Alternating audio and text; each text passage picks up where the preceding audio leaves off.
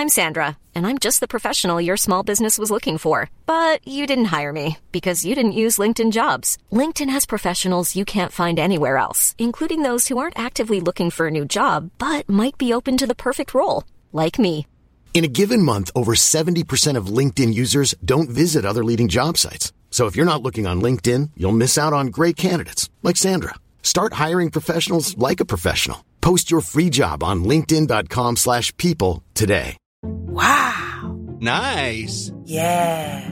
What you're hearing are the sounds of people everywhere putting on Bombas socks, underwear, and t-shirts made from absurdly soft materials that feel like plush clouds.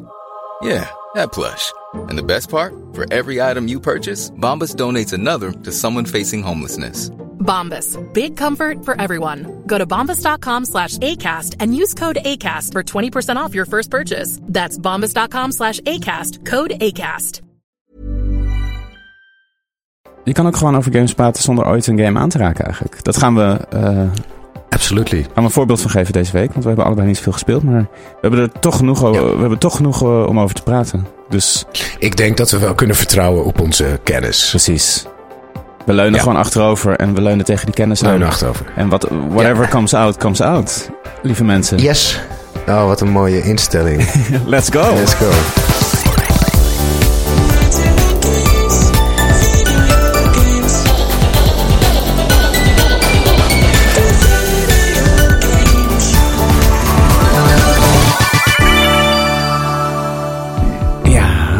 Ja. Het is wel grappig dat eh, jij... eh, daar hebben we het volgens mij al eens over gehad. Wij eh, kennen volgens mij allebei een periode in ons leven... dat we heel weinig hebben gegamed. Ja, klopt. Maar toch heel erg veel met games bezig waren. Ja. Dus ik was dan altijd alle nieuwsites aan het afgaan, artikelen, YouTube-dingen aan het kijken. Ik was gewoon heel veel met games bezig, maar ik speelde ze gewoon bijna niet. Echt een jaar of twee was dat. Ja, ik heb, ik heb echt hetzelfde gehad, ja. Dan, het was ook wel frustrerend, maar dan paste het gewoon niet in je leven. En het lezen van dingen op een website of zo, of een tijdschrift of wat dan ook, dat past een stuk makkelijker in een leven eigenlijk Ja. altijd dan, weet ik veel hoeveel Ja. uur per week eh, gamen. Helemaal als je, is ook heel erg afhankelijk van je omgeving. Maar eh, was een beetje in de studententijd. Dat was bij jou toch ook, toen jij studeerde Ja, eigenlijk een zo? beetje Ja. studententijd en een beetje nadat ik was afgestudeerd en Ja. veel met voorstellingen bezig was. En ehm, gewoon niet zoveel tijd. En, en dat er dan ook niet echt een, in die tijd een console was waar ik helemaal weg van was. Dus dat was een beetje het eh, eh, PlayStation 2, Xbox, Gamecube tijdperk. Precies, ja. Toen was ik niet zo loyaal aan één ding. Ja. Dat kwam bij mij pas weer bij de PlayStation 3 kwam het echt weer terug. Ja, en ik denk dat eigenlijk bij iedereen dat er, dat er wel ergens een hobbel plaatsvindt. Eh, mensen die nog steeds gamen na hun zeg maar twintigste of zo. Of misschien zelfs wat jonger. Maar je hebt altijd natuurlijk die, die kindertijd. Dat je totaal eh, eh, gewoon vervoerd bent door games. En, en er helemaal op een andere manier mee bezig bent. En dan word je langzaamaan een beetje puber. En dan kan je ook nog wel meegesleurd worden in de... Ook omdat heel veel games natuurlijk zich enorm richten op, eh, op jongvolwassenen, pubers. Maar dan, daarna, wordt het soms wel eens spannend. En dan, de meeste mensen vallen dan eruit. Die zeggen dan Of eraf, ja. inderdaad, inderdaad later van... Ja, ik heb wel veel gegamed vroeger, maar eh, zo vanaf mijn 17e, 18e, toen eh, heb ik dat echt niet meer aangeraakt. Ja. Ja, maar eh, wij... Het is gewoon de, de, de beperking die je helpt als kind. Dan heb je gewoon maar een paar spellen. En dan is het zo bijzonder als je een spel hebt. Mm, En nu is er zo'n overdaad dat het gewoon heel moeilijk is om keuzes te maken. ja. ja, dat ook. Maar ook, het heeft ook gewoon te maken met dat ja, interesses veranderen. En, eh, En ja, zeker. Dat je gewoon ouder wordt en eh, op een andere manier naar dingen kijkt of zo. Eh, het geldt Ja. natuurlijk ook, ook voor heel andere dingen. Weet je, er zijn ook veel mensen die heel erg sporten, weet ik veel. Of eh, eh, verzamelingen hadden als kind en daar gewoon totaal mee stopten, weet je wel. Ehm, Wat is, wat is iets van jou wat je, wat je vroeger je heel erg bezig hield? Of wat je heel intensief hebt gedaan Ja. en nu totaal niet meer? Oeh, jeetje. Ehm, even denken hoor.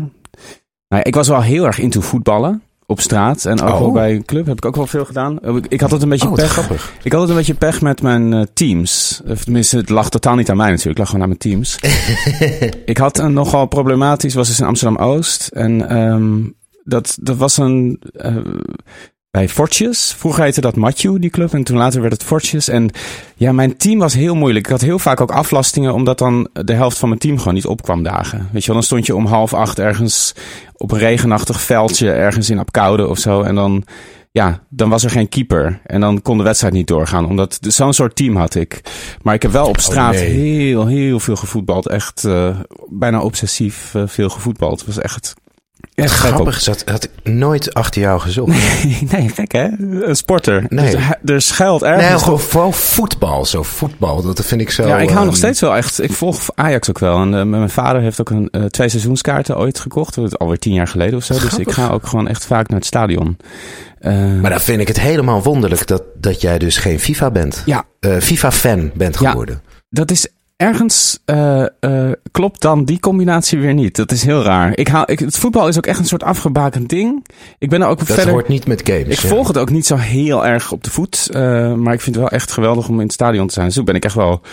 Ben ik veel één, één keer per maand gemiddeld, denk ik. ga ik wel naar een wedstrijd van Ajax. Ehm, dus dat, maar dat is. Dus op zich doe ik dat nog wel. Maar echt het voetballen zelf. Echt. Ik weet niet wanneer ik voor het laatst heb gevoetbald. En als ik dat ooit weer doe, dan ben ik meteen ook na vijf minuten rood aangelopen, hijgend. Ja, kapot. Ja, met pijn in de, in de gewrichten. Ja, Ja, Ja. ja. ja, ik, ik heb er altijd een hekel aan gehad. Want ik was gewoon altijd heel klein. Ik was altijd heel klein van stuk vroeger. Dus als ik met leeftijdsgenootjes dan... Gym vond ik ook de hel. Ik liep gewoon echt een paar jaar achter qua eh, alles. ja, Qua alles. qua alles. Eh, nee, qua lichamelijk heel erg. Ik Ja. denk dat dat mijn Aziatische genen zijn of zo. Ik, weet- ik weet het niet precies. Ik, ik zag er op mijn zestiende ook uit als elf. Mhm. En, eh, dus ik, ik haatte gym en alles. En, en altijd met voetbal, ja, daar werd ik... Ik viel alleen maar. Ik werd alleen maar getackeld. En ik herinner me heel veel blauwe plekken. Ja. En dan projecteerde ik die frustratie op mijn teamgenootjes. Terwijl die waren gewoon aan het voetballen. Die moesten mij gewoon tackelen, want dat was dan Onderdeel van het spel. Ja. ja, was gewoon onderdeel van het spel. En ik dacht ik, oh, stomme jongens. ja. Vond ik iedereen stom. Nou ja. Eh, dus ja, dat ik een hekel aan FIFA... Nou, ik heb trouwens wel FIFA 8 en 99 religiously gespeeld. Ja, ja, ik dat- ook hoor, toen. Dat had Ja. ik gewoon op de PC. Dus dat was... Dat waren ook goede, die 98 weet ik nog. En toen had je ook nog Road to the World Cup. Eh, en daar had Ja. je dan ehm, een... eh, Een soort expansion was ja, dat en dan had je... Ja, het was een soort, volgens mij 98... Ik eh, weet niet 100% zeker of dit klopt hoor, wat ik zeg. Waarschijnlijk zeggen er mensen nu die aan het luisteren zijn van... Waar heb je het over? Je bedoelt deze en deze. Mhm. Maar goed, Road to the World Cup, weet ik nog, was dus een, een World Cup game die voor de wereldkampioenschappen uitkwam. En dat was, daar zat dan ook een zaalvoetbalmodus in.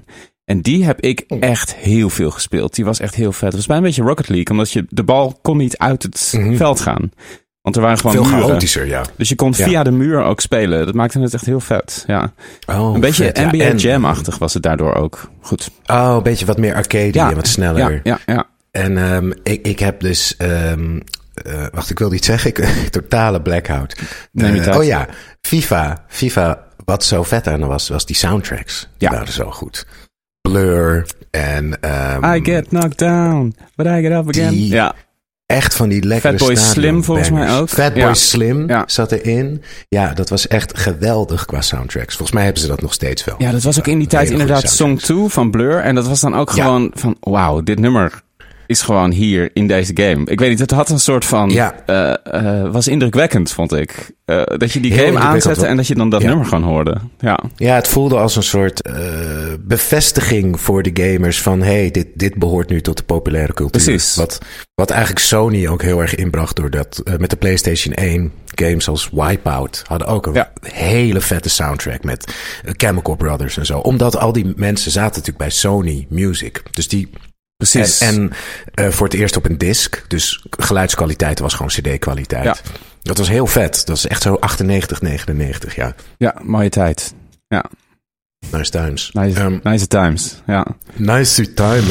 Eh, Maarten, je hebt deze week niet zoveel gespeeld, dus... Nee, alleen eh, ik, heb, het- ik, ik, ik heb het heel druk. Ik moet de hele tijd filmen. Maar ik, Hebba. ja, ik heb natuurlijk wel een paar potjes The Last of Us Ja. kunnen spelen. Nog niet Ja, klaar mee? zit- Nee, ik wilde eigenlijk, wat ik dacht ook, ik heb, de- ik heb toch denk ik afgelopen week wel el- elke dag een uurtje zitten uh, roguelite in de of Us. En dacht ik, oh, maar dan had ik ook van afgelopen week deze zes uur in, Alan, in een Alan Wake 2 kunnen steken. Ja. Dan was ik daar gewoon verder mee.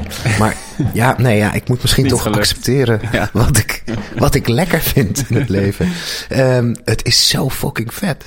Ja, ik raad het je echt aan. En Hmm. iedereen, ik vind het een zo'n goede manier om dat spel, om daar nog wat uit te squeezen. Ja. En, ehm, ik ben er denk ik inmiddels langer mee dan gewoon de story mode van eh The Last of Us 2. Ja.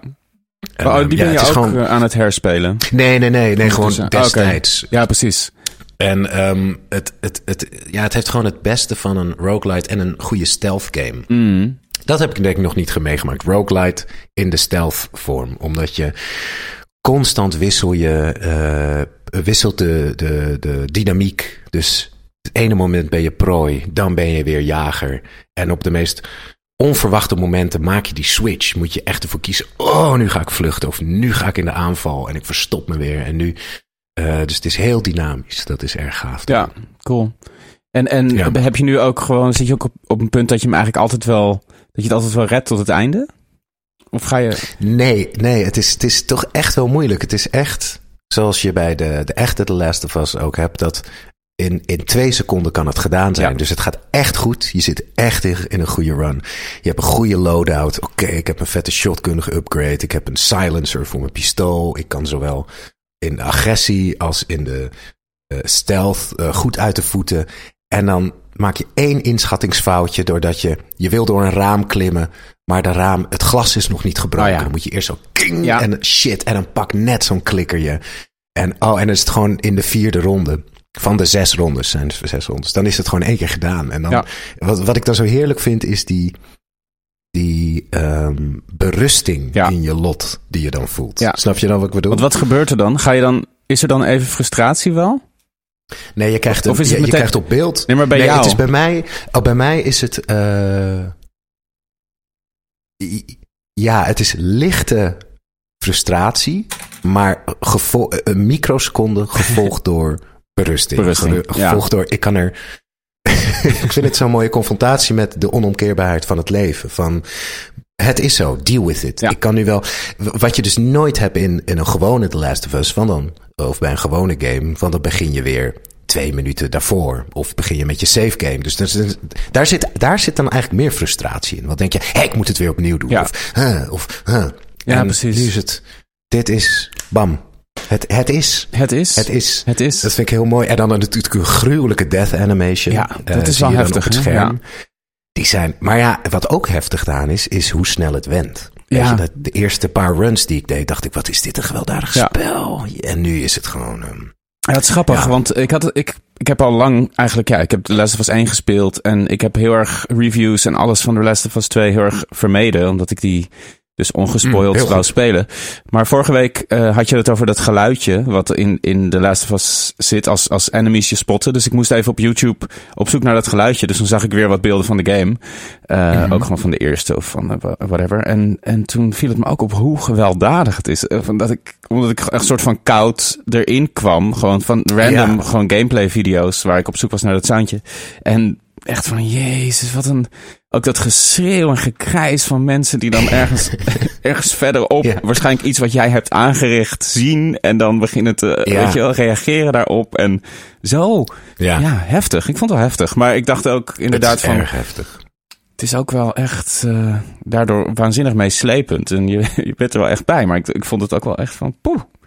Ja, Ja, inderdaad. Het is echt, het is, het is mooi, want het, is, het, het geeft gevolgen aan het geweld wat je eh, teweeg brengt. Dus ik, ik- ja, laten we zeggen, in 60% van de spellen eh, ben je gewelddadig. En dat, dat zijn we heel erg gewend. Ja, Eh, en nu heeft elke, dat vind ik zo goed, elke NPC heeft een naam. Dus als je iemand zijn nek, zijn keel doorsnijdt en dan stiekem ergens naartoe kruipt en dan zien die andere twee komen dat lijk dan tegen. Herman. En normaal, Ja. ja. dan is het echt. Herman, nee! She got Herman.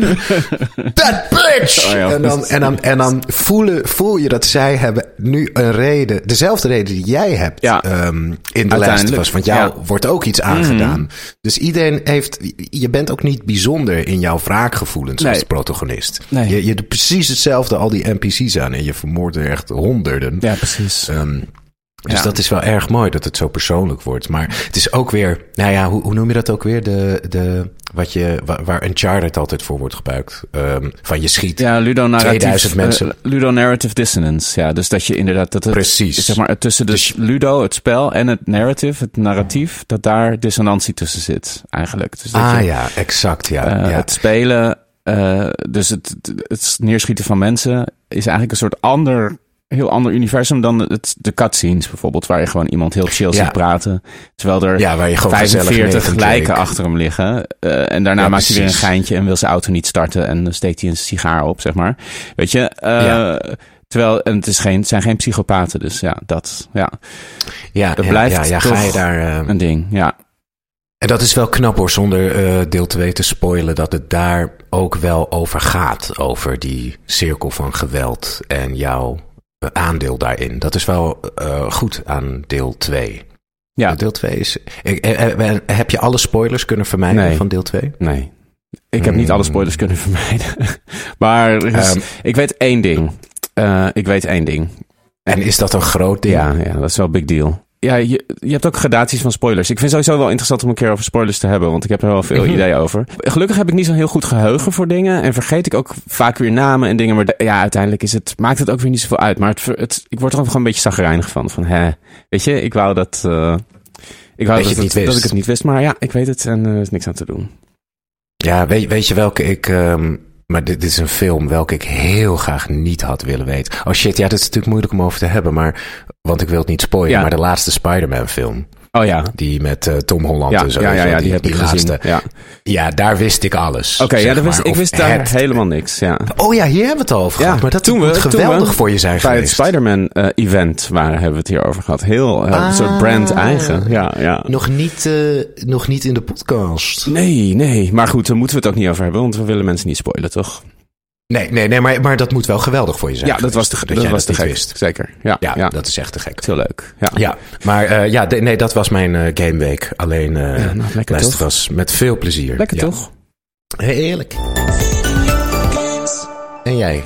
Ehm, ja, Avatar alleen nog eigenlijk. En, en een klein Ah, beetje ja. Octopath. Dat blijft een beetje doorlopen, pruttelen ergens in een pannetje. Maar Avatar, ja, ook niet heel veel hoor. Echt een paar uurtjes maar tijd gehad deze week. Eh, maar eh, ja, nog steeds, ik ben nog steeds heel erg van, van aan het genieten. Ik heb ook een beetje van die game, want ik heb het echt veel over gehad. En eh, ik probeer ook de hele tijd in te dekken van ja, het is ook weer niet zo'n goede game. Maar ik, ik ben er gewoon, het is gewoon voor mij, weet je. Heel geschikt, vet, heel ja. vet. En ik kan hem toch echt wel heel erg aanraden. Misschien niet voor 70 euro, wat hij nu kost. Daarvoor heb ik hem ook niet hoeven kopen, gelukkig. Maar ehm, ja, ik geniet er ook wel van. Het is grappig, want je had het over die, die stealth eh, dingen. En dat speelt, stealth speelt echt een hele grote rol in deze game. Je kan gewoon, je hebt dus eigenlijk de keuze tussen de, de, gewoon de mensenwapens. eh, de, dus Mhm. de mitrailleurs en de shotguns en de snipers, sniper rifles. En daarnaast heb je de Navi-wapens. En dat zijn dus een soort van, je hebt een soort sling stick waarmee je eh, mijnen en zo kan gooien. Maar mainly de bows. Dus dan heb je gewoon een longbow en een shortbow. Op dit moment volgens mij is er nog een bow. Maar ik heb dus een soort van mid-range bow en een long-range bow. En ik zit nu in een missie eh, eh, waarin ik echt een enorme basis moet ja, overnemen eigenlijk. Het wordt een, enorme mining base is er die het hele bos vervuilt. En ja, die, moet, die moet natuurlijk weg. Ehm, en dat kan je in principe doen met de, de luidruchtige wapens. Maar dan ben je echt, je bent echt een glass cannon, maar in het extreme. Je bent eigenlijk na één seconde eh, zo'n beetje dood. Want zodra je gespot wordt, zijn er gewoon zes gasten die op je beginnen te knallen. En dan is het gewoon Oh, klaar. vet. Dus je moet echt heel erg minutieus elke vijand eh, uitschakelen. En dat is heel, heel erg leuk om te doen. Eh, wat ook heel tof is, dus, want je hebt ook een soort hack. Eh, dat vind ik een van de tofste dingen in, in dit soort situaties. Dat, het, dat krijg je echt zweethandjes van. Dat je, eh, je hebt een soort dudes in mech suits. En je hebt een skill dat je die suits kan hacken. Eh, dus dan scan je zo'n suit en dan kom je in een soort van doolhofje terecht, wat je heel snel moet oplossen binnen een bepaalde tijd. En dan is hij gehackt en dan, dan explodeert hij niet meteen, maar dan kan je hem met een melee attack uitschakelen. Dus, en, en daarnaast kan je die hack, je kan die hack storen. Dus je kan ermee wachten tot je hem uitvoert. Of je kan hem meteen uitvoeren. Want soms dan ben je een beetje op afstand. En dan moet je zorgen dat er niemand anders jou ziet als je hem uitschakelt. Dus op die manier ben je heel erg bezig met een soort van, ja, de, de- het pad wat een eh, vijand aflegt. En op welk moment hij op werk- welke plek is. En die, die bases die zijn echt huge. Dus ook eh, zeg maar als het misgaat. Ik had gisteren ook heel precies de eerste keer dat ik die base deed, dacht ik, oké, ga echt mijn tijd nemen. Dus dat kostte echt een kwartier. En toen was ik bij de laatste object, objective. Want in, in zo'n base heb je vijf verschillende dingen die je moet doen. Schakelaars omzetten, eh, weet ik veel, hacken ook af en toe. En uh, dus je moet over die hele base zijn. En je kan in principe ook gewoon dat doen zonder iemand uh, om te leggen. Dan moet je wel heel, heel veel geduld hebben. Maar ik was bij het allerlaatste objective en toen werd ik gesnapt. En dan is het meteen voorbij en dan moet je helemaal weer overnieuw beginnen. Uh, oh. Maar uh, omdat het elke keer anders is, omdat die vijanden op elke keer, omdat die vijanden elke keer op, op een andere plek zijn. En omdat je uh, die objectives toch in verschillende volgordes gaat doen. Dat je denkt, oh, ik heb nu een mooi vrij pad naar, mm. naar die schakelaar. is het steeds, steeds anders. En ik, ja, ik vond het ook wel leuk om het steeds weer opnieuw te proberen. Maar je wordt toch, ik in elk geval, word dan toch laks. Een tweede keer is het dan meteen voorbij. Ja. Weet je wel? Dus de eerste ja. keer doe ik een kwartier heel precies alles. En daarna denk ik, oh, nu, nu weet ik wel een beetje de layout. En ik weet wat ik kan verwachten. Nu kan het allemaal wel wat, wat vlotter. En daardoor ga je dus gewoon ja, zes keer achter elkaar dood. Na één minuut. In plaats van uh, dat je het zo lang volhoudt. Omdat je gewoon ja, onvoorzichtig wordt. Maar, um, ja, ja, je wordt careless. Ja, ja. ja precies. Maar uh, ja, nee, ik, uh, ik, zit, ik geniet er nog steeds heel erg van. Dus gewoon ja, lekker roamen, lekker op die draak rondvliegen. En helikopters uit lekker. de lucht knallen. En ondertussen een beetje plantjes, plantjes plukken en met mijn, met mijn buddies praten en clans helpen, weet je wel. Dingen craften voor ze. En ja, het is echt fijn. Lekker sociaal zijn. En ben je, ben je nou, je bent niet een mens in een avatar-lijf nee. of in zo'n Navi-lijf. Nee. Je bent echt een Navi. Ja, je bent een Navi en je bent ontvoerd. dus jouw clan is een soort van eigenlijk uitgeroeid. Daar lijkt het een beetje op. Helemaal helder is het nog niet, maar volgens mij hebben de mensen eigenlijk gewoon die clan uitgeroeid en de kinderen meegenomen. En uh, jij bent een van die kinderen. Uh, je bent dus grootgebracht in, in een mensenbasis op Pandora. Ah, en ja. tijdens de events van de eerste film breekt de hel los daar en uh, stopt een van de mensen in een avatarlijf jou in een cryopod. En uh, dan slaap je, wat ik veel, 16 jaar of super lang. En dan word je daarna wakker. Terwijl de wereld weer, ja, goed, er is geen echt dikke vette oorlog meer, maar een soort status quo waarin de mensen nog steeds aan het mijnen zijn daar. En de, de Navi in een soort van staat van, ja, een beetje, ja, ze, zij kunnen, zij weten niet hoe ze die mensen aan moeten pakken. En jij komt dan heel handig Ja. van pas natuurlijk, omdat je de kennis hebt van, van menselijke technologie.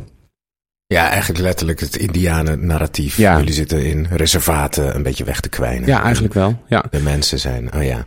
En kunnen de graphics, mijn laatste vraag erover, Ja. ehm, zeg maar de, de character models, kunnen die zich een beetje meten, het zal natuurlijk helemaal nooit zo zijn, maar met de films, de grafische kracht? Mm, Ja en nee. Ik zou zeggen, op, op screenshots eh, komen ze een heel eind. Weet je wel? Eh, grafisch is het echt een heel indrukwekkende game. Het is gewoon echt eh, waanzinnig goed gedaan. Het is ook echt erkend. door- Ik weet niet of je Digital Foundry kent, maar dat is een grote... Ja, zeker. Nou, zij hebben deze game uitgeroepen tot technically most impressive game van het laatste jaar. Eh, of een van de toppers, zeg maar. Omdat ze echt heel veel knappe technieken... Het ziet er gewoon echt waanzinnig goed uit. En ook die models zien er goed uit. Alleen dan in de animations en de facial animations... in combinatie met het, de voice acting... Is het, eh, ja, dan stort het echt in elkaar. En dan blijft er... Dan, en dan moet je het echt hebben van je inlevingsvermogen eigenlijk. Dat je denkt, oké, dit is gewoon... Ja. de- he- vooral bijvoorbeeld heel veel van de... eh, eh, op zich, Main Quest merk je dan ook wel weer het verschil dat het wel iets beter is. Vooral de voice acting.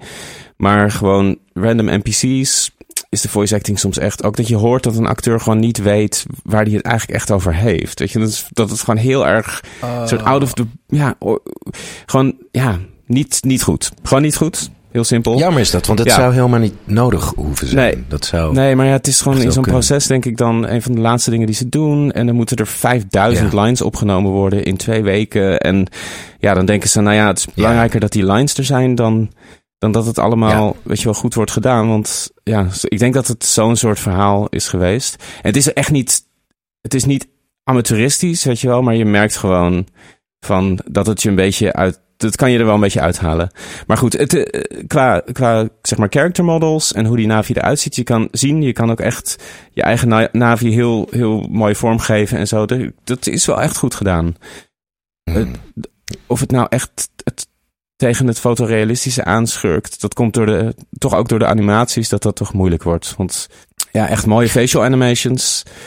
Dat is toch nog steeds een beetje hit or miss. Bijvoorbeeld wat Alan Wake heel goed doet. eh, dat doet Ja. deze game weer minder. Ja, Ja, maar goed, het is natuurlijk inderdaad open world. Ja. En ehm, de, de meeste grafische kracht lijkt te zijn gestoken in de natuurelementen. In, de, in de wereld zeker. zelf. en het licht heel mooi uit. en de, hoe, de, ja, hoe, hoe alles beweegt in de wind. En de, de, ja, de, de services en de sound design is ook heel goed. Dus eh, ja, dat is absoluut de ster van de show, de wereld. En niet zozeer de personages. Vet. Het klinkt wel als iets wat ik, wat ik denk ik ook wel leuk vind. Wie weet past, past het nog op mijn eh, lijst Ja, joh. voor dit jaar. ik betwijfel. Ik zou het maar- doen. Ja, who knows. Zullen we door naar eh, brieven? Ja, we gaan even wat brieven doen, want die zijn een beetje opgehoopt. Omdat we een paar keer. eh, en, en wat Oh, nieuws. dat is wel ook. Dus brief, brieven en ni- nieuws is het vandaag. Brieven en Eh, nieuws. brieven en ik, ga nieuws. even een, Ja? ik ga even een trui aantrekken, want ik heb het, ik heb het koud. In je Sinterpaardje. In mijn centen. Ja, het, het is erg koud. Dus ik pak even een trui. Doe lekker truitje aan. Brieven. Briefon. Ja. Briefon. Ehm, ja. Eh, eh, wil jij eh, de eerste brief voorlezen van Jasper? Dat is goed. Ehm, Jasper zegt het volgende. Hey mannen. Bedankt voor de fijne podcast. Elke woensdag weer een feestje om naar te luisteren. Ik kom er de laatste tijd steeds vaker achter dat ik content misloop. Ik hoorde pas in jullie podcast over de God of War en Last of Us DLC's. Ik kwam er zelf vorige week, toen ik ging googlen of Spider-Man 2 nog een DLC kreeg, pas achter dat Spider-Man 1 een DLC had gehad ooit. Dus, bestaat er een handige app of site waar je kan loggen wat je gespeeld hebt en die je dan, en die je dan op de hoogte houdt van wat er uitkomt? Ik gebruik bijvoorbeeld My Series voor Series. Is daar een versie van voor games? Of moet ik gewoon beter opletten? Winky met een eh, winky smiley. Ja. Thanks en tot woensdag. Ja. Ehm, ja, Kees. Eh, ja, ja, jeetje. Nou ja, ik, ik weet niet of er een app... Volgens mij, ik had even, eh, toch even een kleine Google gedaan. Maar er zijn, er zijn best wel veel apps natuurlijk om je games te loggen. Dat, dat is wel een ding. Maar of die je dan ook een notificatie sturen als een bepaalde games DLC of een nieuws hebben, dat weet ik niet. Het is ook wel weer... Ja, dat wordt dan weer specifiek. Ja, wat ik, wat ik zou doen als je... eh, Er zijn een paar dingen die je kan doen. Denk ik. Je kan... eh, ten eerste zou je... Ja, oké, zeg het Kees. ten eerste... Wat kun je doen? Je, je, kan, ehm, je kan sowieso een aantal van je favoriete game makers of franchises volgen op social media. Dan blijf je gewoon op de hoogte. Dat is op zich heel handig van social media. Is naast dat je kattenfilmpjes en memes kan delen, kan je ook Nintendo en weet ik veel, Insomniac eh, of Sony. Als je Sony volgt, ben je eigenlijk altijd meteen, ben je meteen al klaar. Sony Gaming dan. Eh, eh, dat is bijvoorbeeld een ding. Als je, want ik hoor, ik zie alleen maar eh, Sony-titels in, in het berichtje staan. Dus dan ben je eigenlijk al klaar. Als je, als je een social media hebt, heb je nou een social media ergens liggen? Eh, een, een Instagram of een Facebook of een TikTok of een, noem het maar op, Snapchat, Twitter, Blue Sky, Threads, weet ik veel. Ergens die volgen, dat kan. Dat is één tip. En daarnaast, ja, ik, ik volg gewoon het nieuws. Eh, en er zijn best wel wat sites die je gewoon, eh, die kan je ook natuurlijk volgen op social media. Of die bezoek je soms. Ik kan er wel een paar noemen. Heb ik even een lijstje gemaakt van sites die ik een beetje check. Eh, een van mijn favorieten voor gewoon nieuws is Videogame Chronicle. Dat is een Britse site. VGC, ook wel genoemd, VGC. Eh, Eurogamer is een van de oudste eh, outlets eigenlijk eh, op het internet. Hele goede, eh, degelijke nieuws- en informatiesite over games. Eurogamer, ook Brits. Dan heb je eigenlijk een van de allergrootste is IGN. Een Amerikaanse g- groot gaming. Zij hebben ook heel veel video's met reviews. Zij zijn een van de grootste, toonaangevendste. Dat zijn de drie die ik een beetje volg voor gewoon het algemene nieuws. En dan heb je meer blogachtige sites waar je ehm, ja, meer eh, persoonlijke artikelen kan lezen. Waar je het heel erg mee eens of oneens kan zijn. Of sowieso wel interessant, iets meer achtergrondinformatie of interviews en dat soort dingen. Alhoewel deze eerste drie sites dat ook veel, veel hebben hoor. Maar eh, dan is Kotaku heel groot. eh, Polygon is groot. Rock Paper Shotgun zie ik veel. The Escapist. Aftermath. Eh, dat zijn dan meer echt blogachtige sites. Maar die, ja, als je gewoon eh, eh, IGN volgt op Instagram, kom je er ook aan. Dus het is, ik denk, social media is handig. En gewoon af en toe bijhouden. En daarnaast ja, zie je gewoon in de PlayStation Store en zo ook wel aankondigingen. Ja, toch dingen die je hebt gekocht, zie je vaak wel DLC van. Ja. In je, maar misschien als je op de PlayStation 4 of Xbox One speelt, dat dat nog wat minder Ja, dat weet ik tijd niet. is of Ja. zo. Dat zou kunnen.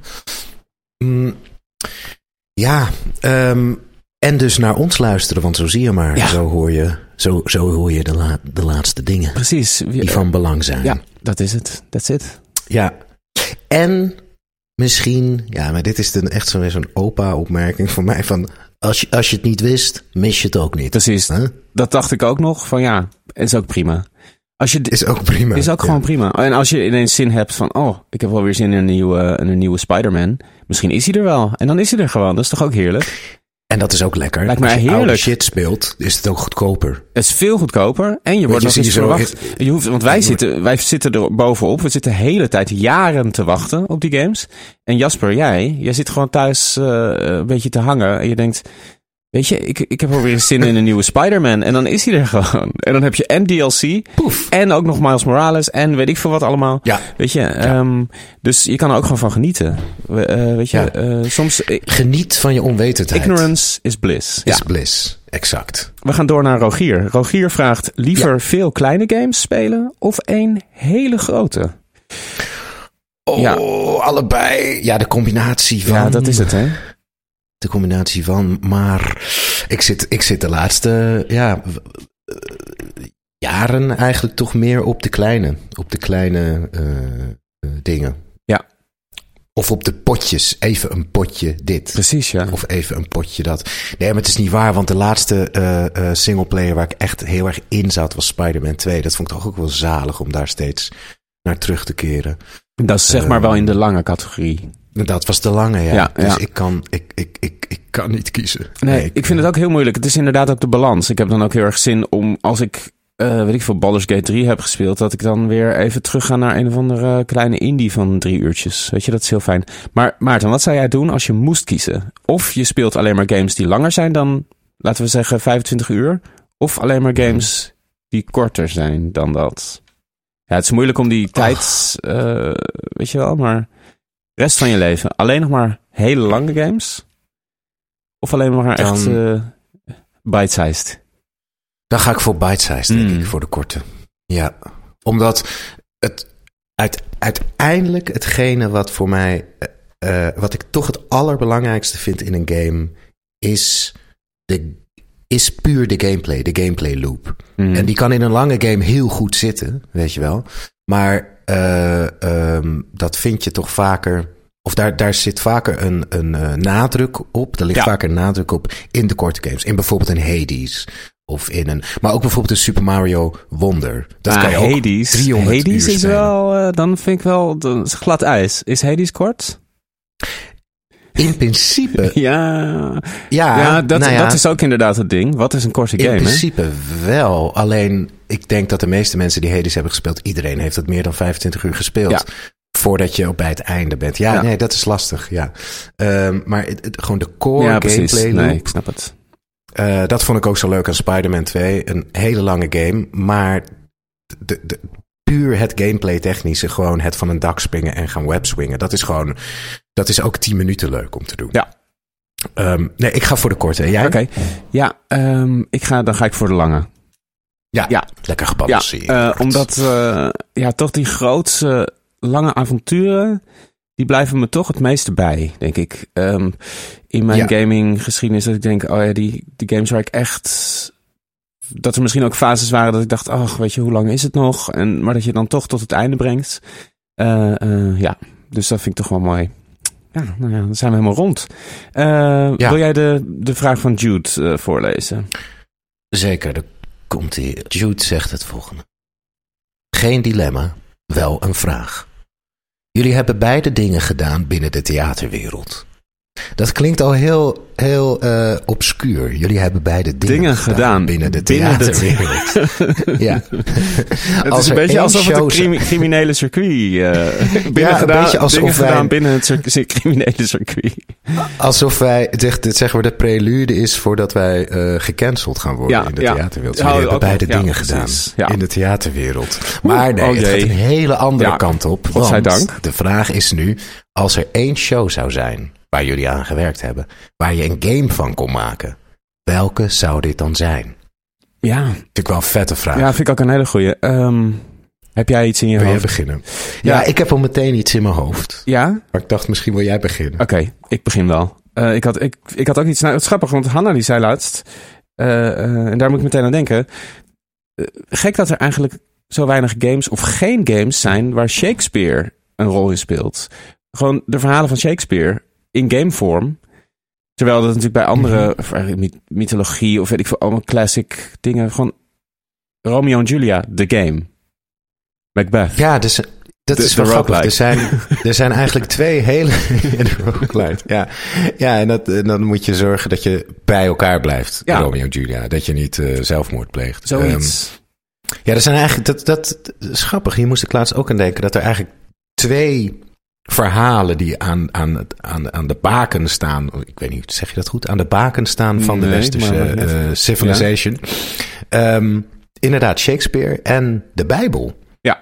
God, Jezus Christus. Het is niet Jesus Christ the game Nee, of zo. nee. Terwijl je hebt wel Zeus en al die mensen die zitten erin. Ja. Maar omdat wij, of wij als westerse samenleving daar echt tussen aanhalingstekens in geloven. Worden. Er zit natuurlijk wel heel veel christelijke symboliek Mhm. Tuurlijk. in spellen. Ja, maar Enorm. dat is En- toch, en- ja, daar, daar komen we niet om, omheen, weet je. Maar, Nooit zo letterlijk. Nee. Maar goed, ik heb En ooit... Shakespeare- Ja, dus, maar da- daar moest ik dus aan denken. En eh, een van de... Ik heb niet heel veel Shakespeare gespeeld. Maar eh, nee, ik heb vroeg in mijn, in mijn the- eh, theatrale carrière, zou ik maar zeggen, als muzikant, heb ik Mhm. samen met mijn broer muziek gedaan bij Wintersprookje. Eh, Winter's Tale, vrij onbekende, eh, of onbekend, maar iets obscuurder werk van Shakespeare. Ook niet zijn beste, maar wel heel erg leuk. Een soort van roadtrip-achtig iets met een, met een, vers, natuurlijk een versteende prinses of koningin.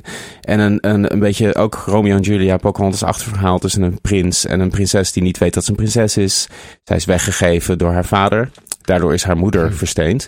Ehm, een, een soort van, ja, JRPG-achtige roadtrip.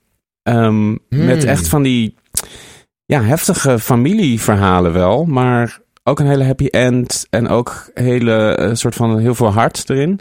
Eh, eh, zoiets zou ik doen. Dus een Shakespeare JRPG.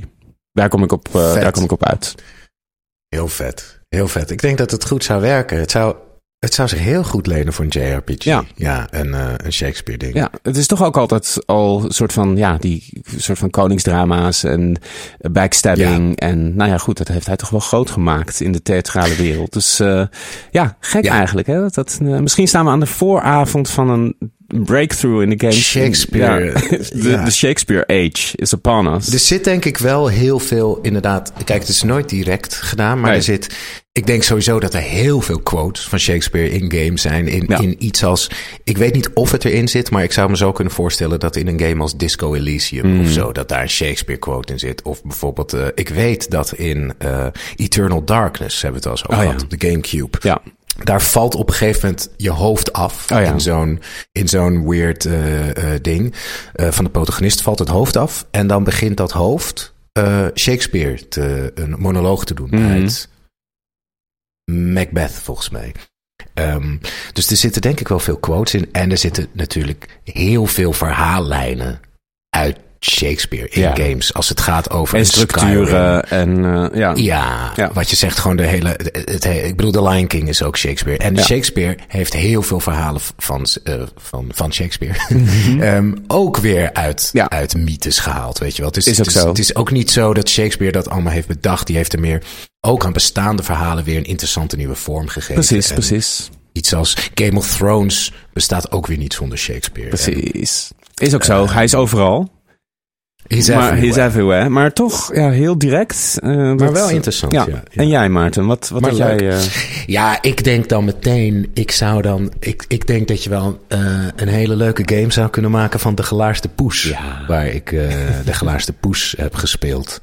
Ehm, en ik, ik dacht dan meteen door de gekkigheid aan een soort Animal Crossing-achtige game. ja. Alleen bij Animal Crossing is, ligt de focus heel erg dat je op één plek blijft. Je hebt natuurlijk wel een dorpje, maar het gaat er eigenlijk om dat de omgeving die je hebt, wordt beter. Terwijl de gelaarste poes beleeft een heel avontuur. Weet je, die gaat naar de koning en naar het paleis toe. Uh, maar ik denk, het, het biedt heel veel goede ingrediënten om een funny, weet je, Psychonauts-achtig, um, funny-achtige game van te maken. Maar wat voor genre? Nou ja, op zich Ja, zie ik misschien een, een mix van die twee. Ik, ik zou op zich niet heel gek zijn hoor, van Psychonauts en, en eh, Animal Crossing. Dat het wel, dat je een soort van plek hebt die blijft groeien of zo. Of waar je gewoon je, je buddies hebt. Mm-hmm. Maar dat je ondertussen ook op, op avontuur gaat om, eh, weet je, Mm, voor platforming en action. Ja, ja, ja, ja, ja. En ook heel grappig Ja, moet het worden. En, precies. en, en ook ehm, een beetje kamarati zie ik voor me. Hoe heet het? nou? Katamari. Ka- Katamari, Katamari. Ja. ja, ja, ja, ja, ja. zo'n soort veel crossdressing. Dat hebben we natuurlijk in de, in de Mhm. voorstelling met eh, me- mensen die het leuk vinden. Het staat op NPO. De Ja. Gelaarste Poest wordt elke 1 januari uitgezonden. En Arjan Edeveen ehm, is daar echt geweldig in. Die eh, de moeder speelt. En ehm, ja, dat is erg fantastisch. Ja, Ja. zo- zo'n soort dingetje. Vet. En maar, ja, ja, ja, maar ik, ik zit nu ook te denken. Ik heb laatst ook een voorstelling gespeeld. Dat heette Oer. Dat ging over een dorp. Mhm. En daar zat een soort ehm, stop-motion in die voorstelling. Het was niet echt stop-motion, maar het leek op stop-motion. Doordat ehm, eh, de vormgeving in die voorstelling was...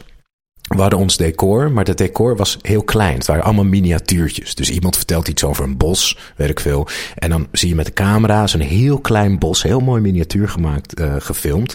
Maar wat dan tof eraan was, was dat die camera filmde in 12 frames per seconde. Mhm. Dus het zag er dan geprojecteerd op een groot scherm heel erg als stop motion uit. Ja. En toen dacht ik, ik, het lijkt me ook wel mooi. Ik zie niet zo vaak zeg maar de illusie van stop motion in games. Ik Nee. denk dat het voor een soort farm simulator of zo heel erg mooi zou zijn. Weet je, dat je gedetailleerd die. eh, bijvoorbeeld bij een game als Pikmin zou het denk ik eigenlijk ook heel goed werken. Ja. 12 frames per seconde. Ja. Dat het echt zo'n miniatuur is. Dus ehm, Mhm. nee, maar ik houd bij de glaarste poes. Oké, goeie. Ja, ja, ja. Good one. Ehm, Ehm, Johan vraagt, een walkthrough kijken, ja of nee? Ja. Wat wil je, Johan? Johan, wat wil je? Wat, Wat wil je? ja, eh, ik, ik, ik vind het wel... ehm, ik ben wel steeds makkelijker geworden met het kijken van walkthroughs. Mhm. Ik heb wel tijd gehad dat ik het echt... dat het gewoon een soort van not done was. En dat ik dan heel lang vast za- zat. En dan heel... Heel erg ook een soort van als een defeat voelde. Als een soort... eh, ik, wil zo ik wil minder Engelse woorden gebruiken, maar het lukt gewoon niet. Dat het al gewoon als een defeat voelde. Als een, vers, als een, als een, als een nederlaag. Nederlaag, dankjewel, dankjewel. Eh dat, ik de, dat ik de game teleurstelde en dat ik eigenlijk had moeten Mhm. zien en dat ik me gewoon heel stom voelde.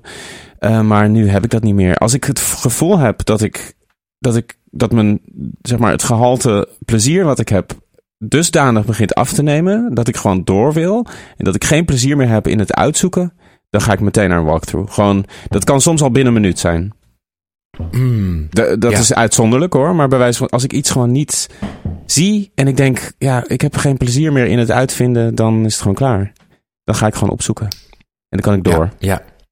Het is lastig omdat ik ben weer. Ik heb eh, afgelopen week ook, dat was ik vergeten, eh, nog een beetje Baba is You gespeeld. Oh ja. dat, eh, die puzzelgame. Ik ben weer opnieuw begonnen. Want je Ja. moet zo in die taal zitten. Dus ik begon weer opnieuw. En dat was ook een puzzeltje. Gewoon een uur mee bezig geweest. Ja. En ik, ik, ik heb het toch niet opgezocht. Want ik dacht, nam, ik dacht namelijk. Elke les bouwt voort is- op de vorige. Ja. Dus als ik nu dit ga opzoeken, dan.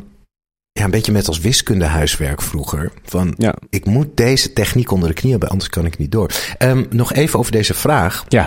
Er is een groot verschil tussen eh, een walkthrough. Ja, nee, je hebt gelijk. Of een playthrough. Ja, of- Van wat, wat, welke bedoelt hij? Want een walkthrough doet me inderdaad denken aan... ik zit vast, dus ik kijk even, ik zoek de oplossing op. Ja.